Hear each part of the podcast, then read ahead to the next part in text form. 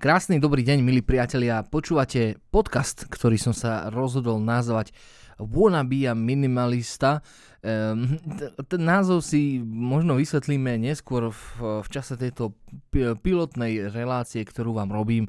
Na začiatku, keďže sa jedná o môj úplne, úplne prvý podcast, by bolo slušné sa určite predstaviť. Moje meno je Viktor, ja som pracoval istý čas v rádiu, istý čas som pracoval aj v zahraničí, konkrétne v Anglicku No a na začiatku minulého roka som sa rozhodol aj s mojou vtedajšou snúbenicou, dnes už manželkou, ktorú mám strašne rád a veľmi ľúbim, tak sme sa rozhodli vrátiť sa naspäť na Slovensko. Mm, tým hlavným dôvodom bolo, že som dostal celkom dobrú ponuku pracovnú, ktorú som sa rozhodol mm, akceptovať a je to práca pre moje rodné mesto, ktoré mám veľmi rád. No a keď som tak rozmýšľal, že všetci uh, ľudia, ktorí sú možno vyštudovaní a šikovní a ľudia, ktorí fakt by chceli ten svet vôkol seba zmeniť, tak množstvo z tých ľudí je von v zahraničí, čo je pravda, a len tak si tam von frflú, že ako by mohlo byť na Slovensku lepšie. No a môj hlavný dôvod, prečo som sa rozhodol vrátiť sa domov, okrem samozrejme toho, že som dostal dobrú pracovnú ponuku, ktorú, ktorú mám skutočne rád, tú prácu, ktorú robím, tak uh, uh, jeden z tých dôvodov bol aj to, že som si povedal, že ak sa budeme celý život vyhovárať um, niekde zvon, že ako by to mohlo byť, bez toho, aby sme reálne k tomu pridali ruku k dielu, tak to vôbec nemá zmysel. Tak som povedal, že ja taký nebudem a že sa vrátim domov. Priznám sa, že istý čas mi trvalo presvedčiť svoju manželku, že, že je to skutočne správna cesta, pretože nemôžem povedať, že by sa nám von žilo zle. Žilo sa nám dobre, človek si niečo aj zarobil a hlavne bol súčasťou spoločnosti, ktorá je iná jednoducho pre mladého človeka je asi v tejto chvíli celkom lákavé, že môže spoznať množstvo ľudí z iných krajín, z iných kultúr a človeku vždy ten daný človek z inej krajiny niečo dá. Po troch rokoch žitia v Anglicku sme sa teda rozhodli vrátiť sa naspäť domov a našli sme si tú robotu veľmi rýchlo, pretože myslím si, že sme dobre vzdelaní mladí ľudia, ktorí skutočne chcú robiť, a, takže robia. No a, a vrátili sme sa domov. Takže toto je môj nejaký taký krátky príbeh. Mm, a prečo som sa rozhodol robiť tento podcast je to, že tým, že som niekedy robil v rádiu, ja mám veľmi rád zvuk a veľmi rád rozprávam a veľmi rád aj zdelujem ľuďom niečo, čo by ich mohlo baviť. A to je vlastne aj význam nášho dnešného podcastu a, podcastov aj v budúcnosti, ktoré plánujem vyrábať a nejakým spôsobom vám dávať ich do pozornosti. Samozrejme, ako nechcem vás prosiť, aby ste mi odpustili, ak tu budú nejaké chyby, pretože je to prvý podcast, nie, nie, buďte pokojne kritickí, ale predtým, než táto relácia začne, tak zvukové intro, ktoré vás bude sprevádzať moju reláciu už stále.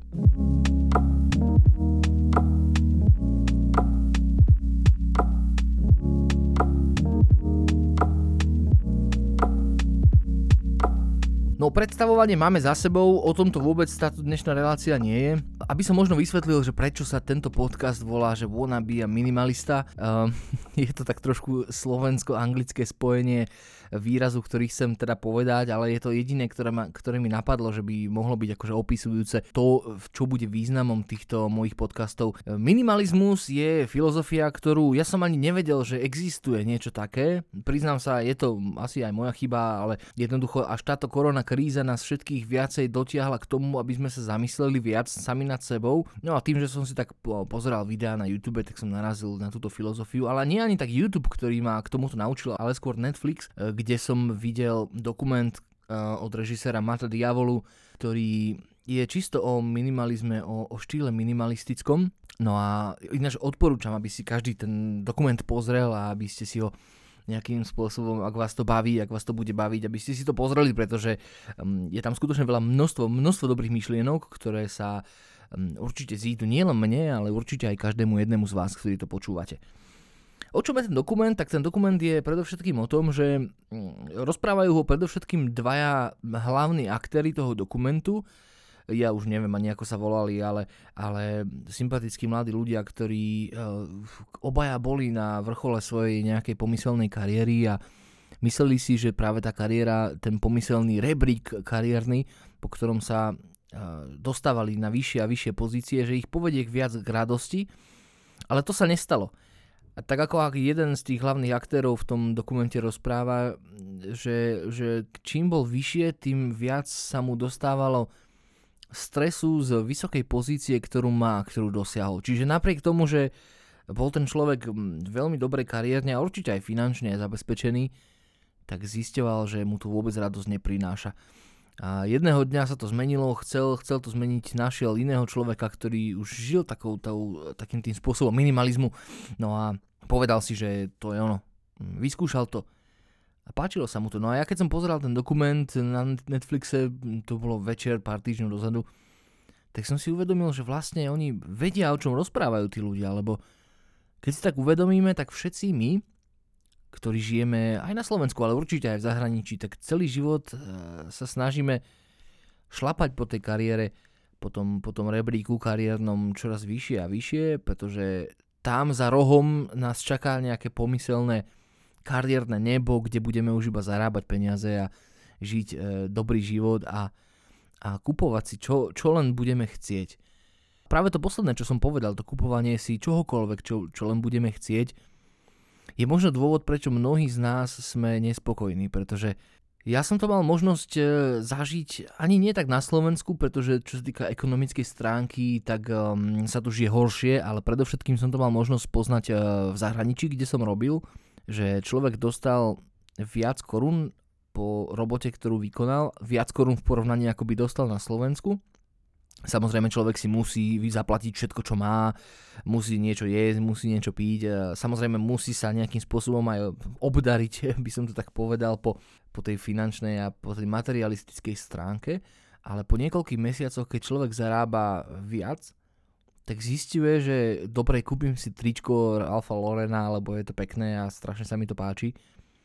A mám jedno, druhé, tretie, potom si človek kúpi nejaké tenisky, kúpi si telefón mobilný, a, a zistuje, že, že sa stal vlastne otrokom tých vecí, ktoré, ktoré má a otrokom toho, čo vlastne vlastní, pretože my ako ľudia sme um, myslím si, že nenásytní. Čítal som skvelú knižku Homo sapiens, v ktorej sa rozpráva, že tá naša ľudská nenásytnosť je úplne prirodzený, prirodzený, um, prirodzená vlastnosť, ktorú sme zdedili ešte od svojich predkov a oni nám ju dali v čase, keď ešte museli bojovať o jedlo.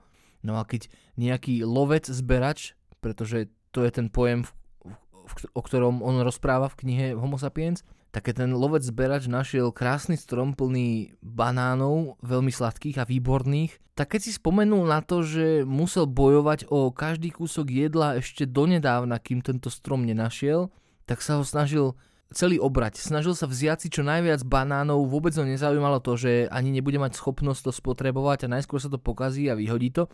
Ale jednoducho ten strach z toho, že za chvíľku bude musieť znovu bojovať o jedlo, tak ho doviedol k tomu celý ten strom vziať a ešte dokonca aj bojovať o to, aby ho mm, nikto iný neobjavil a nikto iný mu tie krásne banány nevzal. To znamená, že toto sme si zdedili od svojich našich predkov dávno, dávno, ktorí žili a bojovali táto vlastnosť je určite taká vlastnosť, ktorú máme v podvedomí, bez toho, aby sme o nej vedeli. Jednoducho chceme si kupovať viac, krajšieho, lepšieho, čím viac, tým lepšie, o mnoho viac sa nám plnia domy, potrebujeme väčšie byty, väčšie domy, potrebujeme 2-3 auta, lebo jednoducho chceme a bojíme sa, že keď to nebudeme mať v čase, keď to budeme potrebovať, tak jednoducho budeme oslabení, budeme v nejakej nevýhode voči ostatným. Čo je ale úplná blbosť. Keď sa nad tým človek tak, tak zamyslí, tak uh, si uvedomí to, že áno, je pravda, že v minulosti naši predkovia museli bojovať o jedlo, a museli si ho strážiť, lebo keď ho nemali, tak najskôr zomreli, alebo boli slabí, teda neschopní boja, No a bohužiaľ to príroda za nich vybavila. Dnes ale žijeme v celkom inej dobe. Máme tu sociálne poistenie, máme jednoducho výplatu, ktorá nám chodí každý mesiac a tak sa nemusíme až tak báť o to, že príde nejaký iný lovec a jednoducho doma nás po práci zabije, lebo bude potrebovať sladké banány. Toho sa vôbec báť nemusíme. Ale naše podvedomie toto už nerozozná. Naše podvedomie je prakticky také isté. Aj naša myseľ je prakticky taká istá, ako boli tisícky rokov dozadu ľudia. Takže ona nereaguje na zmeny prostredie tak rýchlo ako možno naše vedomie. Naše vedomie môže ale s týmto urobiť nejakú zmenu a uvedomiť si, že áno, už nežijeme v tom, my nepotrebujeme mať 48 tričiek a 12 párov tenisiek, hej. A, a to je možno aj význam toho minimalizmu. To znamená, že ak si chceme nejakým spôsobom uvedomiť, čo to minimalizmus znamená, tak si musíme uvedomiť aj to, že minimalizmus znamená mať všetko potrebné, ale to je všetko. To znamená, že človek, ktorý samozrejme potrebuje ísť von, tak musí byť oblečený, aby šiel von, musí byť oblečený, pripravený na to, že jedného dňa bude pršať, takže musí mať dážnik, musí byť pripravený na to, že príde zima, lebo zima chodí na Slovensko bežne, takže musí mať zimné oblečenie, ale reálne my nepotrebujeme mať 6 rôznych kabátov na zimu. Hej? Akože ono to celé závisí od toho, že čo ten človek vlastne od života chce. Je množstvo ľudí a neverili by ste, koľko tých ľudí je, um, koľko množstvo, aké množstvo ľudí existuje takých, ktorí jednoducho chcú mať vždy krásne oblečenie a krásne šaty preto, aby vlastne očarili nie druhých ľudí, aby, aby práve tí druhí ľudia neukázali prstom a pozrite sa na neho, ako chodí mrsko oblečený stále v tom istom. Jasné, aj minimalista, človek, ktorý sa učí byť alebo chce byť minimalistom, tak eh, jasné, že sa chce obliekať pekne, pretože žiaľ je taká doba, kedy pekné oblečenie určuje nejaký spoločenský status. To znamená, že ja nehovorím, eh, že máte všetci chodiť v, v, v otrhaných handrách, to nie. Ale na druhej strane, eh, prečo by sme mali mať 6, 7, 8 rôznych košiel, ktoré vôbec ani nenosíme, pretože mne sa to, to úplne deje, úplne v pohode. Možno keď by tento môj podcast počúval niekto z mojich známych a dozvedel by sa, že rozprávam ja o minimalizme, tak sa chytí za hlavu a buď povie, že klamem, alebo povie, že, že si to vymýšľam, pretože ja som úplne človek, ktorý je opakom minimalistu a, a aj túto reláciu teraz nahrávam v, v, v, vo svojom vlastnom šatníku, uh, ktorý je plný vecí, ale musím povedať, že je plný vecí už ani nie tak mojich ako mojej ženy ženy, čo je, čo je dobré, pretože ona, ona není minimalistka a ona nechce byť, takže, takže to je úplne fajn. Ja som si ale po istom čase všimol, že keď si človek môže kúpiť viac a keď si človek môže kúpiť krajšie veci, tak už to nie je taká radosť. Ja si pamätám, keď som bol malý a chodili sme kúpať na, na, na Veľkú noc, tak sme si vykúpali tisíc korún a z tých tisíc korún si človek kúpil jedno tričko, ktoré bolo úžasné a nosil ho stále, pretože to bolo nejaké značkové tričko, ktoré sme všetci chceli mať a, a boli sme z toho šťastní. A o to tričko som sa patrične staral. Nechcel som, aby bolo pokrčené, nechcel som, aby som si ho pofrkal niečím masným, že by to nezišlo, tak som, takže som sa oň snažil.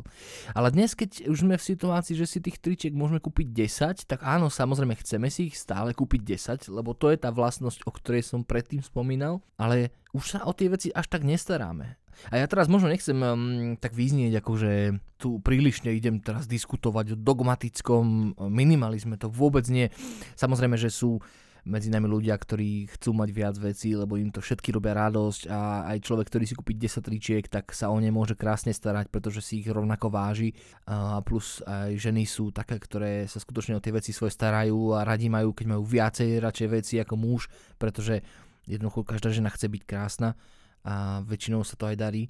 Takže nechcem to úplne hovoriť o každom, ale podľa mňa väčšina z nás je takých, že keby, keď by sme si kúpili tri rovnaké trička, veľmi drahé, tak sa o ne už nestaráme, lebo stále niekde v hlave vieme, že dobre, keď si jedno zničíme, tak to druhé a to tretie nás zachráni a môžeme si stále to vziať. To znamená, že my si zničíme ten limit tej starostlivosti. Ale to není iba o limite starostlivosti, ale je to predovšetkým o tom, ako si tie veci vážime a vieme, že dokážeme si ich na ne viacej zarobiť, vieme, že ich môžeme mať viacej, tak prečo si ich viacej nekúpiť? A do podobného stavu som sa dostala ja. A pamätám si pred viac ako dvoma rokmi, keď sme sa stiahovali z jednoizbového malého bytu z Anglicka naspäť na Slovensko do štvorizbového, ktoré, ktorý sme si kúpili v čase, keď sme, sme odchádzali do Anglicka, tak keď som videl všetky tie veci, ktoré sa nám nahromadili v tom kamióne domov, ktorý sme si brali, tak som sám vlastným očiam neveril, že toľko to vecí sa dokáže dostať do jednoizbového bytu. Neuveriteľné. Ako ja si myslím, že každý, kto sa niekedy stiahoval, tak vie presne, o čom rozprávam. Pretože aj keď si povieme, že dobre, máme tu iba dve izby, tak to bude asi málo vecí. Samozrejme, že sa ten človek míli, pretože my máme, my sme úplne špeci- my ľudia sme špecialisti na, na výrobu úložných priestorov. To si myslím, pretože keď sa len tak pozriem teraz po miestnosti, kde to nahrávam, tak máme tu šatník, pod šatníkom sú nejaké e, topánky, a mám tu hore nejaké spreje, obraz. E, jednoducho na malom, na malom mieste my ľudia vieme vytvoriť také priestory, kde môžeme odložiť všetky veci. A častokrát sa stáva, a v môjom prípade to platí dvakrát, že sú to veci, ktoré ako ich kúpim, ako si ich raz užijem, tak ich tam položím. A najbližšie, keď s nimi niečo robím, tak je to vianočné upratovanie, keď ich zase vezmem preč očistím prach pod nimi a vrátim ich zase naspäť. To je všetko, čo s nimi robím. Možno teraz rozprávam niekomu zo srdca, uh, možno nie, ale na čo sa snažím ja poukázať to, že my ako ľudia sme absolútny opak minimalistov, sme maximalisti a sme nenásytní. v čase, keď môžeme byť nenasytní, tak sme nenasytní. Žiaľ, sú tu ľudia, ktorí by, e, ktorí by potrebovali čo iba desatinu toho, čo my vlastníme, na to, aby sa im život o 1000% skvalitnil. A toto je o kvalite života. Ak my máme život, na ktorý sme si celý život e, tvrdo, na ktorom sme si celý život tvrdo pracovali a vybudovali sme si nejakú, nejaké postavenie, tak náš život sa už nezmení kvalitatívne tým, že si kúpime o jednu košelu Toma Taylora viac. E, ale sú medzi nami ľudia, ktorí majú nič a keď by ste tomu človeku dali, možno nie košelu Toma Taylora, alebo to je nezmysel, ale peniaze, ktoré sme my na tú košelu vynaložili, keby sme dali tomu človeku, ktorý nemá nič, tak jeho kvalitu života o 100% zlepšíme. Pretože ten človek si pôjde do obchodu, kúpi si možno 5 kg ríže, múky, ktoré už dlho dloma nemal, kúpi si možno ten nízky za 10 eur, pretože tie staré už nosí 5 rokov a sú zničené. Čiže jeho svet úplne sa kvalitatívne zmení. Ja, ja teraz nechcem povedať, že by sme mali všetci teraz podporovať ľudí, ktorí nič nemajú. Akože jasné, že mali by sme, lebo sme ľudia, ale pozor, to už potom súvisí s tým, že či by sme mali skutočne podporovať tých ľudí, ktorí dobrovoľne nič nerobia a dobrovoľne žijú v takomto. To nie. Ale samozrejme, že sú to aj prípady, ktoré, ktoré a ja verím, že ich je väčšina, ktoré tie peniaze potrebujú, pretože ich nemajú nie z vlastného dôvodu sú na Slovensku chudobné regióny. Stačí len, že žene zomrie manžel a ostane sama doma s tromi deťmi a tým pádom už je to game over proste. V tejto chvíli je to už, je to už veľmi ťažké. Ale čo chcem povedať je, napriek tomu, že dnes zarábame nepomerne viac, a nehovorím teraz o sebe, hej, hovorím o nás všetkých, ako to počúvate, zarábame nepomerne viac, ako sme zarábali možno pred 5 rokmi. Áno, je to všetko dôsledok našej poctivej práce a snahy, možno v štúdiu, možno v práci, možno v podnikaní, tak napriek tomu sa kvalita nášho života úmerne nezlepšila. To znamená, že ak dnes zarábame o 100% viac, náš život není 100% kvalitnejší. Áno?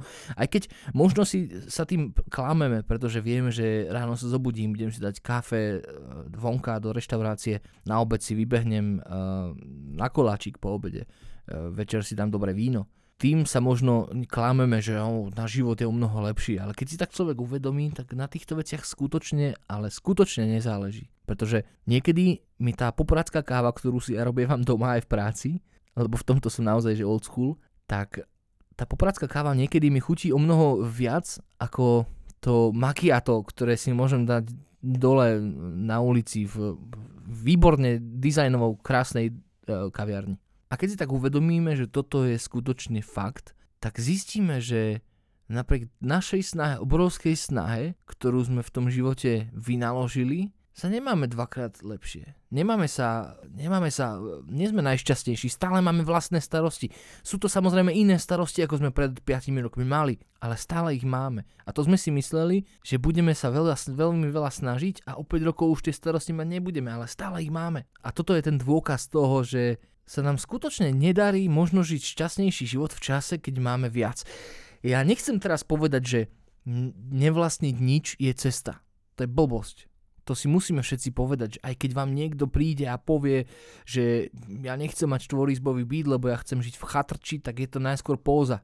Je to blbosť, pretože samozrejme, že ten byt je viac, Samozrejme, že ak chceme mať rodinu, tak ten byt musíme mať. Ale minimalizmus, aby som to možno skrátil, lebo už, som, už myslím, že som povedal viac ako možno, možno ste chceli počuť, alebo viac ako bolo e, skromné, tak minimalizmus je filozofia toho, že si ľudia vyberajú, čo si kúpia a je to filozofia, ktorou sa človek na schvál postaví do pozície viac sa tešiť ako mať. A to je veľmi dôle, toto je veľmi, veľmi dôležitá myšlienka, pretože keď zajtra vyjde nový iPhone, alebo nový Samsung, alebo hociaký telefón, ktorý máte radi, nová verzia, tak vy najskôr s výborným telefónom vo vrecku utekáte do obchodu a kúpite si ho, lebo je novší, je lepší, je úplne iný a cítite, že budete šťastnejší, keď ho budete mať. To nie je pravda. Vôbec to nie je pravda. Pretože kúpite si ten telefón, zistíte, že máte druhý vo vrecku, ktorý vám je už asi na nič, lebo, lebo není taký moderný ako ten novší. Budete mať starosti s tým ho predať, lebo to sú starosti. A keď ho predáte, tak sa vám vráti možno 50% toho, čo ste dali za cenu nového, ale zistíte, že ten telefón není dvakrát lepší zistíte, že vlastne vám úplne stačil aj ten starý. Ako samozrejme, že budete mať teraz možnosť očariť svoje, svoje okolie. A ja mám taký dojem, že to, že vlastníme veľa, není ani to, že chceme mať veľa, ale skôr, že chceme očariť ľudí, že môžeme mať veľa. A toto je, myslím si, že taká fundamentalistická myšlienka minimalizmu, že prestať zaujímať sa o druhých ľudí. Ja pred týždňom som, lebo, lebo moja práca je veľmi založená na komunikácii prostredníctvom sociálnych sietí, pretože pracujem prakticky v marketingu, tak som si uvedomil, že strašne veľa času trávim na sociálnych sieťach, konkrétne na Facebooku a, a, a časti aj na Instagrame, ale to, že mám 1500 priateľov, neznamená, že som s každým v kontakte. A uvedomil som si jeden veľký fakt, že napriek tomu, že vždy keď ten telefón zapnem a pozriem sa na ten Facebook, tak vždy môžem vedieť, kde sú moji najlepší kamaráti, čo robia moji skutoční priatelia, tak to bol dostatočný dôvod sa im už dlho neozvať. A zvlášť dnes, keď je korona. Skúste si možno aj vy tak porozmýšľať. Predstavte si, že máte 5 najbližších kamarátov alebo priateľov a porozmýšľajte, že kedy ste im zatelefonovali a kedy ste sa ich spýtali naozaj, ako sa majú. Bez toho, aby ste si pozreli Facebook a nepozreli, lebo hovorí sa, mnohí odborníci hovoria, že ten profil, ktorý na Facebooku máme, že je to náš internetový bot. Že bot znamená, že to je niekto, kto, kto nie je konkrétne my, ale je to niečo, čo sme si vytvorili podľa našich predstav. Ale je to skutočne pravda. Pretože ja som hádam nikdy nedal na Facebook fotku, na ktorej si myslím, že nevyzerám dobre. Alebo nikdy som sa nepochválil na Facebooku niečím, s čím sa naozaj netreba chváliť. Keby sme sami seba nepoznali a pozrieme si náš Facebook, skúste si to pozrieť. Tak u väčšiny z nás sú ideálne statusy, ideálne fotografie, ideálne miesta, ktoré sme navštívili. Ale to nie sme my. Je to skutočne ten bod, ktorého sme vytvorili. Je to niečo, čo chceme, aby bolo, ale realita to není. Skúste si porozmýšľať nad tým, že 5 vašich najlepších kamarátov, naozaj priateľov, kedy ste s nimi posledne rozprávali. Lebo ja si myslím, že u väčšiny bude odpoveď, že veľmi dlho nie. Že sme veľmi dlho s nimi neboli v kontakte. Dôvod je ten, že každé ráno si scrollneme ten Facebook, pozrieme sa, kde boli naši najlepší priatelia a tým pádom to vieme. Ale uchádza nám fakt, že my stále sledujeme iba toho ideálneho bota. To znamená, my nesledujeme svojich priateľov, ale sledujeme predstavy našich najlepších priateľov o samých sebe. A to je tá veľmi ťažká myšlienka, ktorú, na ktorou by sme sa mohli zamyslieť a keď sa nad ňou budeme zamýšľať, tak pochopíme, že my napriek tomu, že máme tisícky kamarátov na všetkých sociálnych sieťach, tak nemáme nikoho tam. Tam nikto neexistuje. Preto ak mám dnes ukončiť ten to dnešný podcast, tak by som možno povedal, že ak chceme žiť minimalistickejšie a tým pádom aj šťastnejšie, tak skôr než sa dostaneme ďalej, tak skúsme aspoň zavolať nášmu najlepšiemu kamarátovi a spýtať sa, čau, ako sa máš? Dlho som ťa nepočul, dlho som s tebou nebol, je, je kríza, je, je, je, je karanténa dlho sme spolu neboli, darí sa ti, ste zdraví, nemáš, ne, nechceš niečím pomôcť. Bude to celkom iné. Toto je to, to, to práve priateľstvo. To, čo máme na Facebooku, to, čo máme na sociálnych sieťach, nie je. No a na záver vám poviem ešte takú informáciu, že keď som sa tak zahľadel do štatistik, ktoré mi ponúka iPhone SE, ktoré mám už 6 rokov, som s ním strašne spokojný. Tak keď som sa pozrel do štatistik, ktoré ten telefon ponúka, a myslím si, že podobne to je aj u Androidov, tak som zistil, že denne som strávil hodinu 20 na Facebooku čisto len na Facebooku. Je to neuveriteľný čas. Keď si predstavíme, že väčšina z nás robí 8 hodín v normálnom zamestnaní, alebo možno 13, 14, 15, ak podnikajú, tak si vezmite, že jedna v priemere desatina dňa kedy môžeme sa venovať iným veciam, tak my čumíme do telefónu a pozeráme, čo je nové, čo je, čo je zaujímavé a čo robia naši kamaráti. Ale bez toho, aby sme sa im reálne ozvali. Hej. My nevieme, prečo je náš kamarát v Bratislave. Síce pridal fotku z mostu Apollo, ale nevieme, či mu nezomrala teta, či tam neprišiel z takého dôvodu. My sme za neho radi, že sa má tak, ako sa má, lebo vidíme, že dal fotku z Apollo. Ale my nevieme, či je skutočne šťastný, lebo keby mi nezomrie teta, tak možno si tú fotku za pola spravím, ale som veľmi smutný a idem na pohreb. Takže toto je ten rozdiel. Keď som zistil, že som strávil každý deň približne hodinu 20 na Facebooku a keď som si tak ešte uvedomil, že ja popri tom, ako pracujem, tak si robím školu a častokrát nestíham tieto dve veci naraz, takže dobieham, málo spím a tak, tak som zistil, že som absolútne premrhal obrovskú časť svojho života len pozeraním toho, ako sa majú boti. Ľudia, ktorí sú, ani nie ľudia, profily, ktoré sú vytvorené ľuďmi, ktorých poznáme. A keď som si to tak spätne ešte uvedomoval a snažil som sa nad tým ešte viac zamyslieť, tak som zistil, že napriek tomu, že hodinu 20 som sa venoval svojim internetovým priateľom a pozeraním ich života, tak som s nikým poriadne nekomunikoval. A preto som sa rozhodol to zmeniť a Facebook som si vymazal. takto, pred týždňom by som povedal, že to je veľmi agresívny krok, vymazať si Facebook a jednoducho koniec, ale po týždne skúsenosti, ja viem, že to je nič, týždeň. Keď si to tak uvedomujem teraz po týždni bez Facebooku, že aké to vlastne je, tak vôbec, vôbec necítim, že by mi niečo chýbalo. Akože možno nevidím fotky kamošov, možno nevidím statusy, ale aká to je sprostosť, hej? Aká to je hlúposť pozerať každý deň fotky niekoho a z tých 1500 priateľov, ktoré som ja kedysi mal na Facebooku, tak možno iba traja ma zaujímali. 1493 ľudí a životov človek musel každý deň pozerať a snažiť sa neviem čo ani. Ja, ja skutočne ani neviem, že čo na tom Facebooku hľadáme napríklad. Zistil som, že to neviem vďaka tomu, že som sa rozhodol žiť možno minimalistickejší spôsob života, ako som žil dodnes. A minimalizmus o tom celom hovorí. Že si nemáme odopierať to, čo máme radi, nemáme si odopierať to, čo nás robí nami, ale máme si odoprieť, ani nemožno odoprieť, máme si uvedomiť, čo sú naše priority, čo sú skutočne tie hodnoty, ktoré chceme, aby sme zlepšovali, či už to je vzdelanie, či už sú to rodinné vzťahy, sociálne vzťahy, či už ja neviem. Tak keď si uvedomíme tieto priority, tak zistíme, že ten Facebook, alebo tie sociálne siete, alebo vôbec hoď čo iné, čo robíme, alebo množstvo vecí, ktoré robíme, nám sú úplne na nič a sú úplne zbytočné. V ničom nám nepomáhajú, viac nám len berú čas, ktorý môžeme tráviť úplne inde a úplne s niekým iným. A toto je vlastne význam tej, tohto podcastu, ktorý dneska tu vám rozprávam. Že možno by sme sa mali viacej zamyslieť nad tým, čo vlastne chceme v živote dosiahnuť a možno by sme sa mali zamyslieť nad tým, že čo pre nás znamená šťastie. Lebo pred 5 rokmi pre mňa šťastie znamenalo kúpiť si polokošelu Ralph Lauren. A vôbec sa nehambím za to, lebo proste to bolo tak.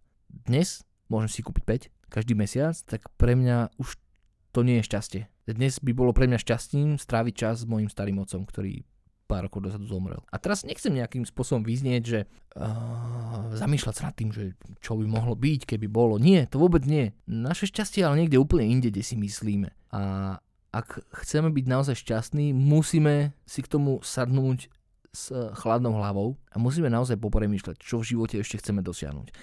A pre niekoho to môže byť napríklad vzdelanie, pre iného to môže byť skutočne kvalitný vzťah, či už partnerský alebo rodinný, ale nikto, a to vám garantujem, nikto si nepovie, že môj veľký sen je byť super, skutočne busy na sociálnych sieťach. Nikto. Napriek tomu, že všetci, všetci to robíme. Významom podcastov, ktoré robím, alebo teda ktoré začínam robiť, je, aby sme si všetci uvedomovali, že kde sú pre nás hodnoty a aby sme si postupne uvedomovali, koľko vecí v živote robíme a sú nám absolútne, ale absolútne na nič. Hoci nám minajú čas, energiu, peniaze.